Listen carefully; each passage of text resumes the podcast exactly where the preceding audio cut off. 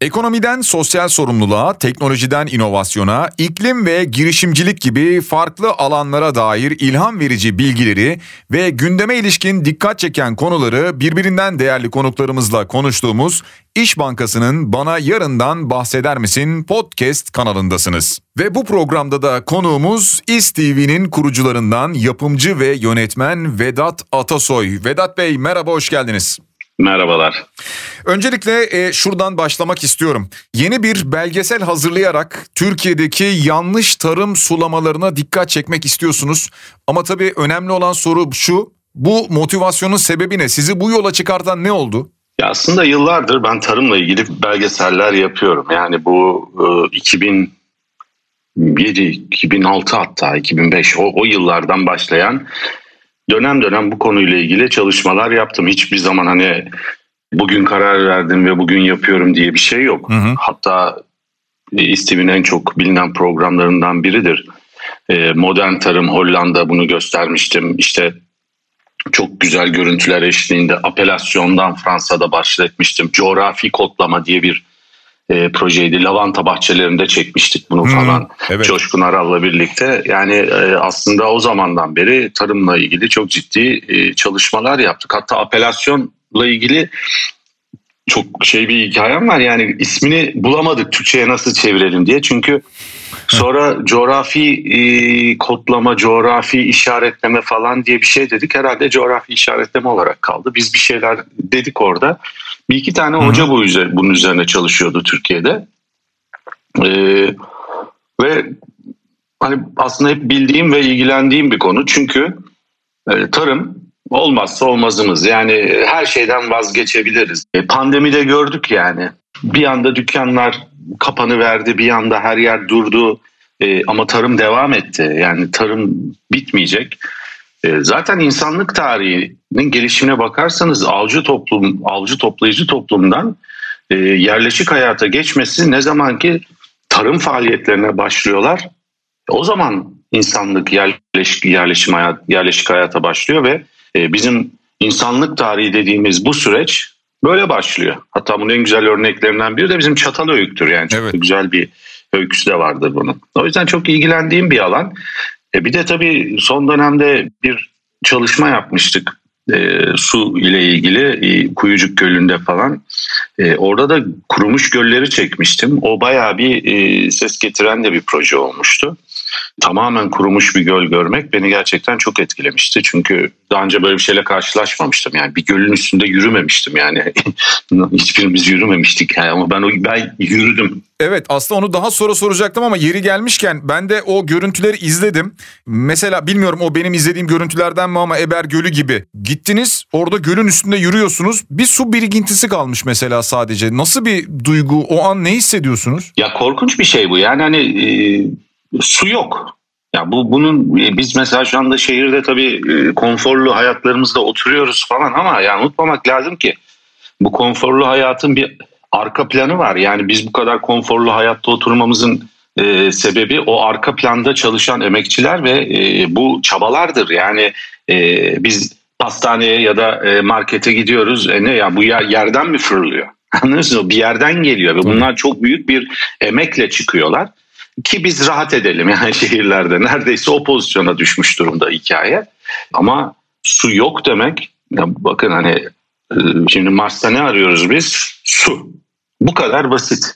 Hani su bir, birazcık su bulunsa yaşam ümidi çıkacak Mars'ta. Evet. Ya bu kadar önemli yani Mars'ta mesela son model bir araba ya da e, müthiş bir ayakkabı, son çıkmış ayakkabı ya da e, şey aramıyoruz. E, acaba şunun saçı nasıl, bunun makyajı nasıl aramıyoruz Mars'ta. Mars'ta aradığımız şey su. Bir damla su. Ve biz buradaki suyu tükettiğimiz için bunları arıyoruz. Ya ve bununla karşılaşmak gerçekten korkunç bir şey. Yani göl var ve gölün üstünde yürüyorsunuz. Meke Gölü'ne gittim. 12-13 metre su vardı şu anda sıfır. Yani Bunlar korkunç korkunç görüntüler. Bu noktada aslında e, şunu sormak istiyorum. Bu kullanılan tatlı sudan bahsedeceğim ama tatlı su içinde veya tarımda kullanılan oran nedir? Bir yandan bunu da merak ediyorum ve dünyada da yaklaşık böyle bir 30-40 yıllık tatlı su kaynağımızın kaldığı da söyleniyor. Gerçekten böyle böyle bir tabloyla mı karşı karşıyayız? Aslında şöyle düşünelim. Dünyada e, kullanılabilen Ya tatlı su miktarı yüzde iki, iki buçuk seviyelerinde. Biz bunun yüzde birini falan kullanabiliyoruz. Yani geri kalanı buzullarda falan yani öyle düşün. Hmm. Ee, onları kullanamıyoruz. Kullanılabilen oran sadece dünyadaki e, yüzde bir. Bunun da yüzde yetmiş beşini tarımda kullanıyoruz. Yüzde on beş gibi sanayi, yüzde on gibi insanlar. Hani biz diyoruz ya dişimizi fırçalarsak işte musluğu evet, kapatalım evet. falan. İşte bunlar o yüzde onun işte binde işte bilmem neyini biz tasarruf etmeye çalışıyoruz. Çabalıyoruz, tırmalıyoruz. Hani hepimiz böyle aman su damlamasın çocuklara eğitim veriyoruz falan. Fakat öbür tarafta tarımda yüzde yetmiş beşlik bir oran var. Adamlar suyu salıyorlar babadan kalma yöntemle. Hmm. Bütün tarlayı adam kahveye gidiyor. Tarlası sulanıyor. Akşam da suyu kapatıyor. Sonra suyu tahliye ediyor. E ne oluyor? Sulamış oluyor hmm. tarlayı. Yani bu zaten bu filmi yapmamızın temel amacı da bütün şeyden uzaklaşarak gerçekten e, egolarımızdan ve e, hani böyle parmak sallayarak e, öğretmen edasında değil ama e, insanlara bir şey öğretmek. Yani ben temel problemin zaten bunun bilgisizliği olduğuna inanıyorum. Yani neden suluyorsun tarlayı böyle dediğimde biz hep böyle yapıyoruz cevabı hmm. geliyor. Yani çünkü tarlamız tuzlu diyor. Suyla bunu indirmemiz lazım. Sonra bir ziraat mühendisiyle konuştuğumda diyor ki abi bu diyor 60'larda yapılmış bir şeydi diyor. 4-5 yıl biz sulasaydık yetiyordu. Şimdi yapılması tamamen gereksiz. Fakat bütün ova anca çok tuzlu alanlar göl kenarında varsa onlar sulanabilir diyor. Fakat bütün ova, Söke Ovası suyla kaplanıyor. Neymiş bu? Toprağı yıkama diyoruz. E bununla ilgili bir e, toprak analiziniz var mı? Yok. Şeyiniz var mı? Yok. Ya korkunç bir su israfı var. Ama şunu da görüyorum. Yani insanlar, çiftçiler de bilinçlenmeye başladı. E, tarımla ilgili çalışan insanlar da bilinçlenmeye başladı. E, çok fazla e, damla sulamaya geçildi. Bunun çözümü sadece bu. Biz bu sulamaya, kötü sulamaya vahşi sulama deniyor. Evet. Ya gerçekten vahşi sulama yani korkunç bir görüntü. Peki yani bu vahşi sulamadan biz daha önce de bu yayınlarda konuştuk hep. Bundan neden vazgeçilmiyor? Bir maliyet gerekçesiyle mi yoksa eğitim eksikliğinden dolayı mı? Ya her ikisi de diyebiliriz aslında ama hı hı. ya maliyet hesaplarını yani şöyle yapılıyor. Yani onda da yine biz e, bilimden uzaklaştıkça hep e, patinaj yaparız. Yani boşa gider bu işler. Yani bilimle ya, yan yana gitmek lazım. Maliyet hesabı diyorsun, konuşuyorsun. Nedir maliyet hesabı? Abi kaç para biliyor musun? Ha, tamam da kardeşim kaç para kazanacaksın sonrasında? Bunu hesaplamıyor. Hmm. Oradaki maliyete sadece bakıyor. Ya şimdi biz birkaç tane e, tarımda gerçekten ciddi anlamda hani iş adamı gibi hesaplayan arkadaşlarla konuştuk. Ya adam diyor ki ben bu kadar yatırıyorum tam bir yıl içinde iki katını kazanıyorum diyor. Çünkü damla sulama hem daha verimli hem daha az su harcıyorum hem daha az enerji harcıyorum. Topladığında diyor ki ben bir yılın sonunda zaten iki katını kazanıyorum diyor. Ya şimdi hesap kitap da e, hani hep e, eski usul babadan bildiğimiz dededen bildiğimiz usulle yapılıyor. Böyle değil ki sen damla sulama yaptığında meyvenin bir kere daha fazla büyüteceksin ya da neyse sebzeni. Hı hı. Daha az su harcayacaksın ve daha az enerji harcayacaksın. Bunları topla. E, harcadığın şeye bak, maliyete bak. E bir de bunları şimdi bankalar falan inanılmaz krediler veriyor. Yani o kadar e, ilginç şeyler yapıyorlar ki yani e, belki hiçbir meslekte bu kadar e, destek alarak krediler dönmüyor. Ya biz almıyoruz mesela hani medya sektöründe böyle bir krediler yok yani evet, çok net söyleyelim zor. yani. Hı hı. Ama çiftçilikte inanılmaz krediler. E, mesela devlet aslında devlet de bunu istiyor ve diyor ki yüzde ellisini ben sana hibe ediyorum diyor yaptığım borç şeyin damla sulamaya geçersen. Devlet de farkında, herkes farkında. Damla sulamaya bir teşvik var yani aslında değil mi? Var tabii ki. İnanılmaz teşvikler var. Peki bir de. de şunu biliyorum. Daha doğrusu doğru mu biliyorum? Yine bu damla sulama benzeri bir yöntem ama yerin altından, toprağın altından giden de bir sulama yöntemi var galiba. Ya o da aslında toprak altı damlama sulama. Yani toprak altından hmm. aynı aynı sistem. Ya damla sulama dediğimiz ne de biliyor musunuz? Çok basit bir sistem aslında. Bir boru, uzun bir boru bu borunun içinden çeşitli delikler var. O delikleri tam e, ağacın oraya ya da neyse işte sebzenin oraya doğru koyuyorlar ve oradan toprağın ihtiyacına göre su atıyorlar. Hatta bazı yerler öyle şey yapıyor ki toprağın ihtiyacına göre değil, ürünün ihtiyacına göre. Yani onu hesaplıyorlar çünkü şey diyor, hmm. yani mantık diyor ki e, sen mesela elinde hani biz şunu yapıyoruz. Suyun bittiği anda su veriyoruz. Ama sen susadın mı? Hani damlama sulamanın e, yeraltı damlama sulamanın bir avantajı da bu. Gerçekten ürüne gidiyor su ve ürün istediği kadar alıyor. Nemli topraktan istediği kadar suyu alıyor ve e, yani çeltikte bile bunu yapıyorlar. Yani çeltik ki çok su isteyen bir e, meyve şey ürün 10 katı kadar diyorlar ki su tasarrufumuz var diyorlar. Yani hmm. yüzde hmm. %90 daha az su tüketiyoruz diyor bu yöntemle. Ya bu korkunç oranlar. Ya yüzde 90 su tasarrufu demek korkunç bir şey yani hayal edebiliyor musunuz? Yani bunu bütün araziye vurduğunuzu düşünün. E, Türkiye çünkü artık su fakiri bir ülke. Yani bu, bu şey değil. Bu yaptığımız çalışma bizim hadi arkadaşlar bir belgesel yapalım da işte güçlüyle de sohbet edelim falan diye bir çalışma değil yani. Bu gerçekten tabii, tabii, doğru. yapmak zorunda olduğumuz bir çalışma. Şimdi bu çalışmalar içinde bir yandan ben şunu da anlıyorum ki yeraltı sularına da veya yeraltı suların etkisiyle oluşan, çekilmesinin etkisiyle oluşan obruklara da dikkat çekiyorsunuz. Evet. Ki aslında bunu daha önce birkaç yayında ben konuşmuştum. Yani böyle o büyük şehirlere suyu taşıyabilmek için evet çevredeki şehirlerden sular toplanıyor, yeraltı suları çekiliyor ama sonra orada bıraktığı izler var bunun. Biraz o obrukları ve yeraltı sularının yine vahşice kullanılmasını anlatabilir misiniz? Neler gözlemlediniz? Ya şimdi hep böyle bir şey konuşurken de olabildiğince pozitif olmaya çalışıyorum ama ya tablo pozitif değil. Yani sadece şöyle bir şey söyleyeyim. Karapınar ilçesi, Konya Karapınar ilçesi yani bir ilçe. Büyük bir ilçe ama bir ilçe. 507 tane obruk var hocalarımızın saydığı. Sadece bir ilçede. Bunların bazılarının boyu, boyutu hmm. bir buçuk kilometre çapında. Yani bir obruğun yanında ya göl dedim ya gölde yürümek dehşet bir şey. Bir obruğun yanında olmak da öyle. Yani dümdüz yolda bir anda böyle evet. yüzlerce metre çapında bir toprak çökmüş. Yani 50-60 metre derinlikte. Yani e, bugüne kadar kimse yaralanmamış Allah'a şükür ama yani oraya düşen iflah olmaz yani. Öyle garip bir görüntü. Şundan oluşuyor. Obruk nedir? Önce onu söyleyelim. Obruk dediğiniz gibi yeraltı sularının çekilmesiyle oluşuyor aslında. Ama bu bazen tektonik hareketlerle oluyor. Bazen ise şu anda en büyük sorun Konya Ovası'nda vahşi sulamayla oluyor. Ve vahşi sulamayla yapılan bu çalışmadan sonra normalde belki 30-40 yılda oluşacak obruk oluşumu bir yılda, bir ayda falan oluşuyor. Şimdi burada şöyle bir sorun var. Konya Ovası'nda şu anda Mart ayındayız ve Mart ayında e, su seviyeleri %20'lerde. Ha bize bir kar yağdı İstanbul'a bir %50-60'lara çıktık bir rahatladık ama evet. mesela Konya'da yağmadı. Konya Türkiye'nin tarım ambarı.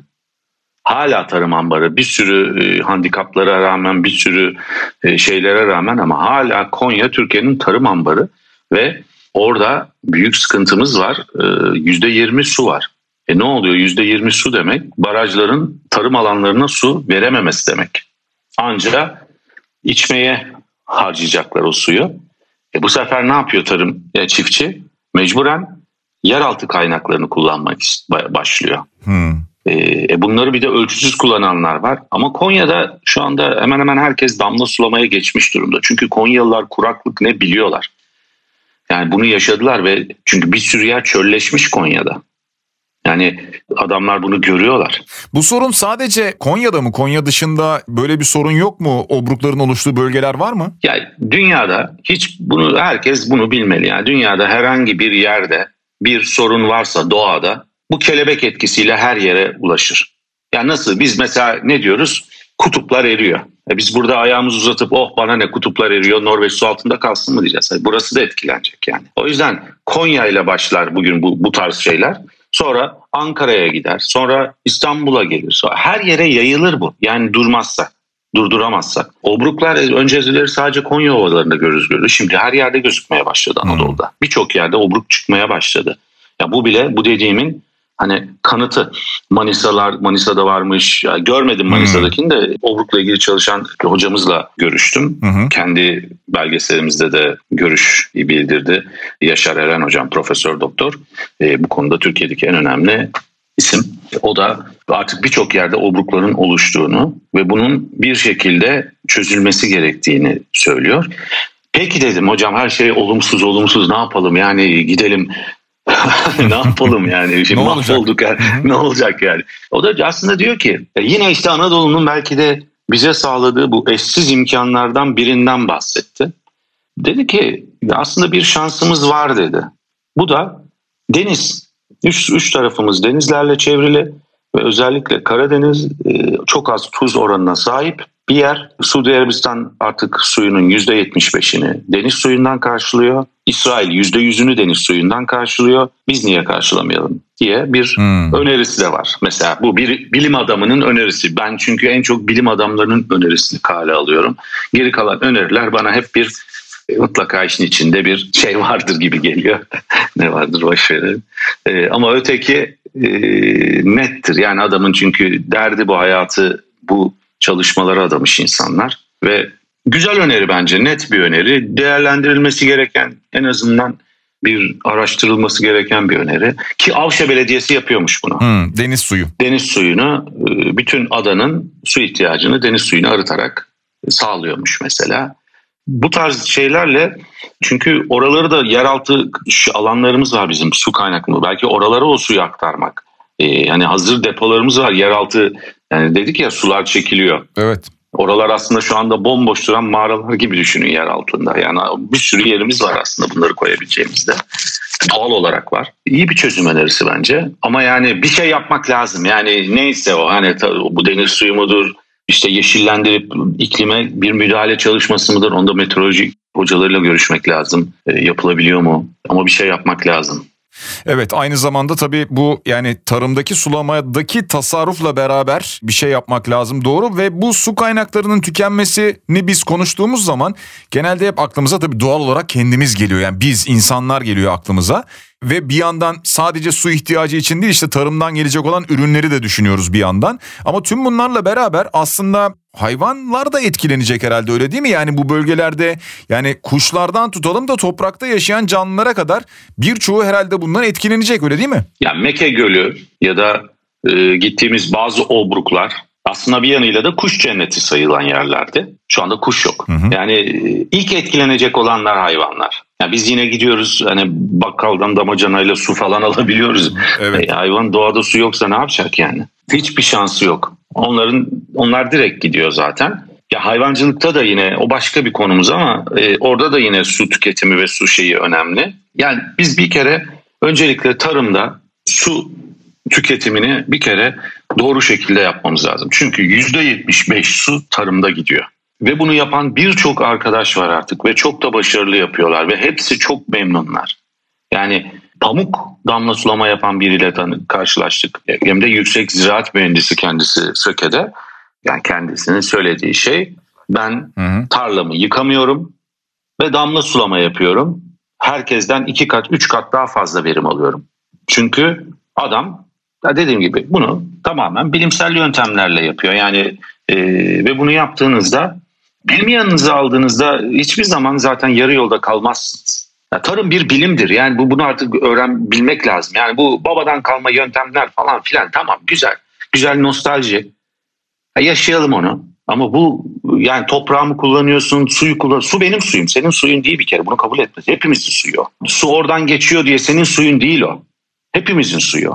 E, şunu merak ettim bu pamuk sulama, pamuğu damla sulama yöntemiyle sulayan kişiyle siz görüştünüz mü? Bir röportaj gerçekleşti mi? Çünkü bunların tanıtılması, gösterilmesi lazım belki de biraz. Tabii tabii. Hmm. Tabii ki tabii ki tabii ki görüştük ve özellikle hem çiftçiyle görüşüyorum hem de eğitimli çiftçilerle ve hocalarımızla görüşüyoruz. E, ve bunun gibi mesela orada güzel projeler yapar mesela WWF gibi gruplar var, dernekler var. Onlar da vakıflar var daha doğrusu. Orada hmm. şeyler yapıyorlar, güzel projeler yapıyorlar. Evet. Mesela onların da görüşlerini almak istiyorum. Hatta bu aralar bir röportaj yapacağız onlarla. Onlar da çünkü o bölgede çok güzel Menderes. Ya mesela orada şöyle bir sıkıntı var. Tarım alanlarına sanayi tesisleri koruluyor. Ya bu da mesela külliyen yanlış bir şey. Çünkü e, sanayi suyu kirletiyor ve orada tekstil var. Tekstil biliyorsunuz boyalarla falan yapılan bir hı hı. E, şey. E, ne yaparsanız yapın kirletiyor. E, bir de oraya jeotermaller açılmış. Jeotermallerde sıkıntı şu. E, jeotermaller e, temiz enerji diyebiliyoruz. Ama şöyle bir sıkıntısı var orada. Evet. E, çok yüksek ısılarla birçok e, element açığa çıkıyor ve bunlar e, toprağa zarar veriyor. Yani bunlar tabii ki olacak. Ya ben şey demiyorum hiçbir zaman mesela HES konusunda da demiyorum. Yani olacak tabii ki hidroelektrik santraller ya da jeotermal enerjiler. Ama doğru yerde ve doğru oranda olmalı bunlar. Ya tarım alanının göbeğinde olmamalı bunlar mesela. Yani bunu daha daha doğru yap. Yani daha niye yani tarım alanının ortasında fabrikanın ne işi var? Yok mu mesela dağlara doğru daha e, kullanılmayan arazilere doğru bir yer? Mesela onu tam tarım alanlarının orta Nazilli mesela hepimiz biliriz. Nazilli Nazilli hatta geliriz Nazilli'den tarım ürünleri alırız. Ya ta, Nazilli'de o kadar çok fabrika var ki. Ya başka yere gidemiyor mu bu fabrikalar yani? Ben bunu anlamıyorum. Ya bu çünkü oradaki suyu da kullandı, kullanamıyorsun o zaman. Suyu kirletiyorsun. Aslında o çiftçinin e, yani bize gelecek yemeklerin, yiyeceklerin suyu. Mesela bu da büyük bir sıkıntı orada. Evet bir yandan tabii bütün bu belgeseli çekebilmek için belki de biz şu an bunu konuşuyoruz ama dinleyenlerimiz belki de bu belgesel yayınlandıktan sonra dinliyor olacaklar ama bütün bu belgeseli çekebilmek için çok büyük bir araştırma gerekiyor. Saha çalışması gerekiyor. Türkiye'de şu ana kadar hangi bölgelere gidebildiniz ve şunu da merak ediyorum bir yandan hangi bölgeler sizce daha sorunlu şu anda su açısından sulama açısından? Yani nereye gitti? Kırklareli, Edirne, Çanakkale, Tekirdağ, e, Manisa, Aydın, Söke, Denizli ve Konya'ya gittik şimdi. Ama şey haftaya da Güneydoğu Anadolu'ya gideceğiz. Çünkü orada da GAP çok önemli bir proje biliyorsunuz. Orada aslında her yer yapılması gerekiyor. Yani ama biz bir yerden sonra bir 8 diye bir yer böyle kafamızda 8-9 yer diye hedefledik. Aslında bu hikaye mesela Erzurum'da yok mu? Var. Sivas'ta yok mu? Sorun var. Yani 81 yer yapmak lazım aslında ama hani biz e, örnekleme yaptık. Hani araştırmalarda da belli bir e, şey alırsınız ya sayıda denek alırsınız ya. Evet. Onun gibi biz de konu başlıklarına göre belirledik. Yani Urfa'da tabii ki çok önemli tarım alanları GAP. E, çünkü orada büyük bir mesela fazla suyun zararı da var orada mesela. Çünkü geldiğinde su özellikle Urfa tüneli açıldığında kontrolsüz bir şekilde tarlalar sulanmaya başladı. Hiçbir eğitim almadan ya da hiçbir eğitim şey yapmadan, hı hı. verilmeden diyeyim. Toprak tuzlandı ve toprak öldü. Hı. Yani şimdi orayı temizlemeye çalışılıyor. Yani maliyetin maliyeti. Çünkü yani fazla su yani değil mi? Bu bilim işi artık bitti yani o şey babadan kalma yöntemler bitti. Ee, ben Hollanda'da yaptım adam bana şey demişti ya ben iş adamıyım demişti. Hmm. Ben çiftçi falan değilim ben iş adamıyım demişti bana Hollandalı. Ya o yüzden dünyanın en fazla ihracat yapan, tarım ihracatı yapan ikinci ülkesidir Hollanda. Küçücük Hollanda deriz ya hep Konya kadar. Evet. Evet yani Konya kadar Hollanda dünyanın ikincisidir çünkü adam olaya öyle bakıyor. Ben bir iş adamıyım, ben bu işi böyle yaparım diye bakıyor. Gerçekten bir sanayidir ve bence hani temel sanayidir. Yani ilk budur. Evet. Sonra gerisi gelir. Yani başka bir şey benim aklıma gelmiyor. Bir numaraya neyi koyarsınız deyin düşünelim. Bir tarım gelir, eğitim gelir. Başka sonra geri kalan her şey sonra gelir bence. Evet tabii. E bu arada pardon sorunun ikinci kısmı da neresi en büyük sorunu? Konya. Net. Konya çünkü su yok. Peki böyle giderse yani bir müdahale olmazsa Önümüzdeki seneler tarım açısından hem Türkiye'yi hem de dünyayı bekleyen büyük bir tehlike olacağını öngörüyoruz herhalde. Ve hatta ve hatta bunun için de artık insanlar tarımdan tamamen beslenemeyeceği için, hayvancılıktan tamamen beslenemeyeceği için yapay gıdalar da üretilmeye başlanıyor. Gelecekte böyle bir tehlikeyi yakında görüyor musunuz? Yani ben şöyle yakında dediğim şu e, bu sene e, daha yakın ne kadar olabilir? Bu yaz Konya'da su olmayacak demiştim. Daha yakın hani yani artık yakın hmm. değil artık var.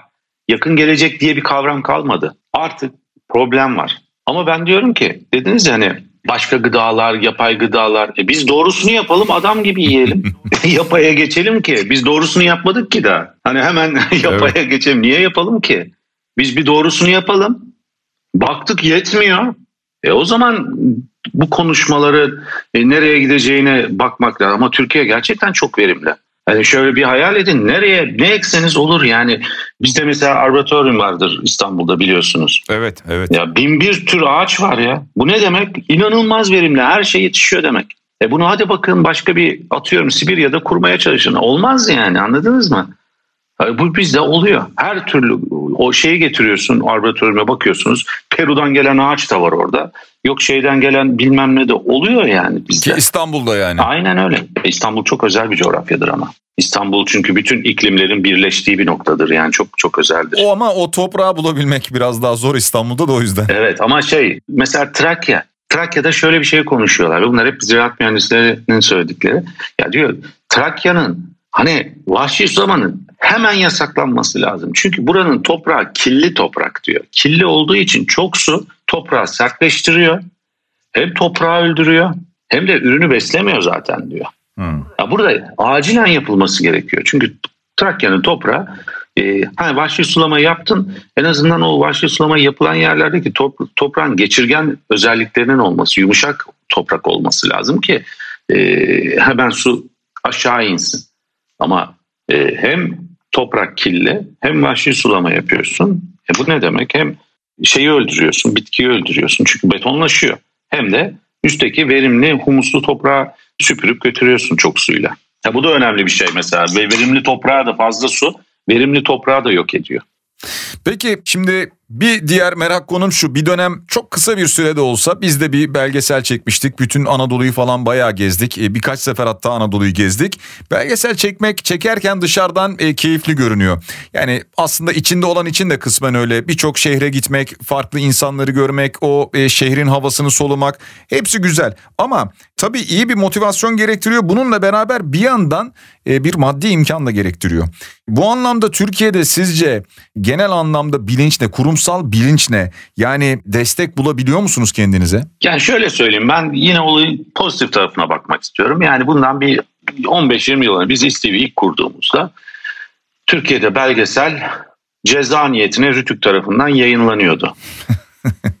yani şimdi en azından belgesel kanalları oluşmaya başladı. Yani biz o o yer şeyi yıktık. Eskiden ben hatırlıyorum ilk e, sponsorluk e, şeyimizi hatta Marmaris Belediyesi'nden almıştık. Hı-hı. 4000 liraydı.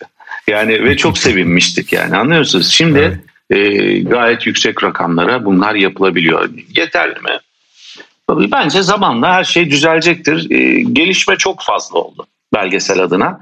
Ee, daha önce 3-5 kişi belgesel yaparken ki onun da kalitesi tartışılırdı. Yani ama müthiş belgeselcilerimiz de vardı. Mesela evet. Ertuğrul Karslıoğlu, Sühar'ın gibi çok önemli belgeselcilerimiz vardı. Tabii onlar ama TRT'nin büyük imkanlarıyla da yaptılar. Yani e, onları da e, müthiş filmler yaptılar o dönemler. Ama şimdi de e, destek olan kurumlar var, e, yapıyorlar. Bir de insanlar izlemeye başladı ve istiyor da. Yani ben şeyi bil ha bir de şöyle bir şey var. Şimdi belgeselle e, normal program arasında ben hep şunu söylerim. Belgesel edinimdir. Ya yani bir şey edinirsiniz belgeselde. Ama diğerleri televizyon programları ya da onlar izlenimdir. İzlersiniz. Ya elbette ki izleme her zaman daha büyük bir oranda olur. Ama edinim e, azdır ama çok şey alırsınız. Yani e, o size kalır artık oradaki bilgi. Hayat boyu kullanırsınız onu. Mesela bizim bu belgeselde anlatacaklarımız hani izleyip geçeceğiniz şeyler değil. Mesela bu meslekte olan ve e, damla sulamayla ilgilenmek isteyen insanlar için belki hayatlarını değiştirecek yöntemler sunuyor. Şimdi o yüzden belgesel önemlidir. Zaten sinemanın temelidir. Belgeselle başladı sinema. Yani ilk ilk film Lumière kardeşlerin ilk filmi gara giren tren görüntüsüdür. Bu bir aslında bir belgesel görüntüsüdür. Ya yani gerçek bir görüntüdür. Yani sinema böyle başladı. Zaten e, o yüzden destek de buluyoruz artık. İlgi de var bence. Daha da iyi olacak. Yeterli mi? Hiçbir zaman yeterli değil. Keşke daha büyük imkanlarla, keşke e, hani bu hikayeyi 8 yer değil de e, işte dediğim gibi 81 ili gezip gerçekten her yere böyle bir yıl, iki yıl, üç yıl boyunca çalışmalar yapabilsek, gerçek envanteri çıkartabilsek. Ama ben yakın ileride onun bunların da olacağını inanıyorum. Vedat Bey yavaş yavaş röportajımızın sonuna geliyoruz ama son olarak ilave etmek istediğiniz bir şey var mı? Tablo aslında olumsuz gibi gözüküyor ama hani bunun bile farkına varıyor olmak bence önemli. Şunu görüyorum kurumlar bunu çözmek istiyorlar. Ya bu çok önemli bence. Yani bir, insanlar bir şey yapmak istiyorlar. Yani dedim ya devlet buna teşvik veriyor, bankalar krediler veriyor. Yani herkes bununla ilgili bir çaba içerisinde. Çünkü su dediğim gibi temel. Başka bir şey bunu tartışamazsınız. Yani su yok, su yokun tartışması yoktur yani. Evet. Su yoksa bittik yani anladınız mı? Hani bittik. O yüzden e, aslında herkes bunu çözmek istiyor. Bence en önemli şey bu. Ve bizim şöyle bir şansımız var. Biz daha bir şey yapmadık. Hani yapınca ben birçok sorunu çözebileceğimizi düşünüyorum. Yani e, doğru sulama yöntemleriyle çok büyük bir su tasarrufu yapabileceğimizi ve başka alternatif su yöntemlerini, su bulma yöntemlerini de araştırarak belki o su fakiri olma yolunda hızla gittiğimiz hatta birçok kişi su fakiri diyor. E, nu terse döndürme şansımız olabilir. Evet. Yani ben yani ümidimi hiçbir zaman yitirmek istemiyorum. Bunun için de kendi üzerime düşen görevi yapıp bununla ilgili bilinçlendirecek bir belgesel yapıyorum. Peki Vedat Atasoy çok teşekkür ediyoruz katıldığınız için sağ olun. Ben teşekkür ederim. Çok sağ olun.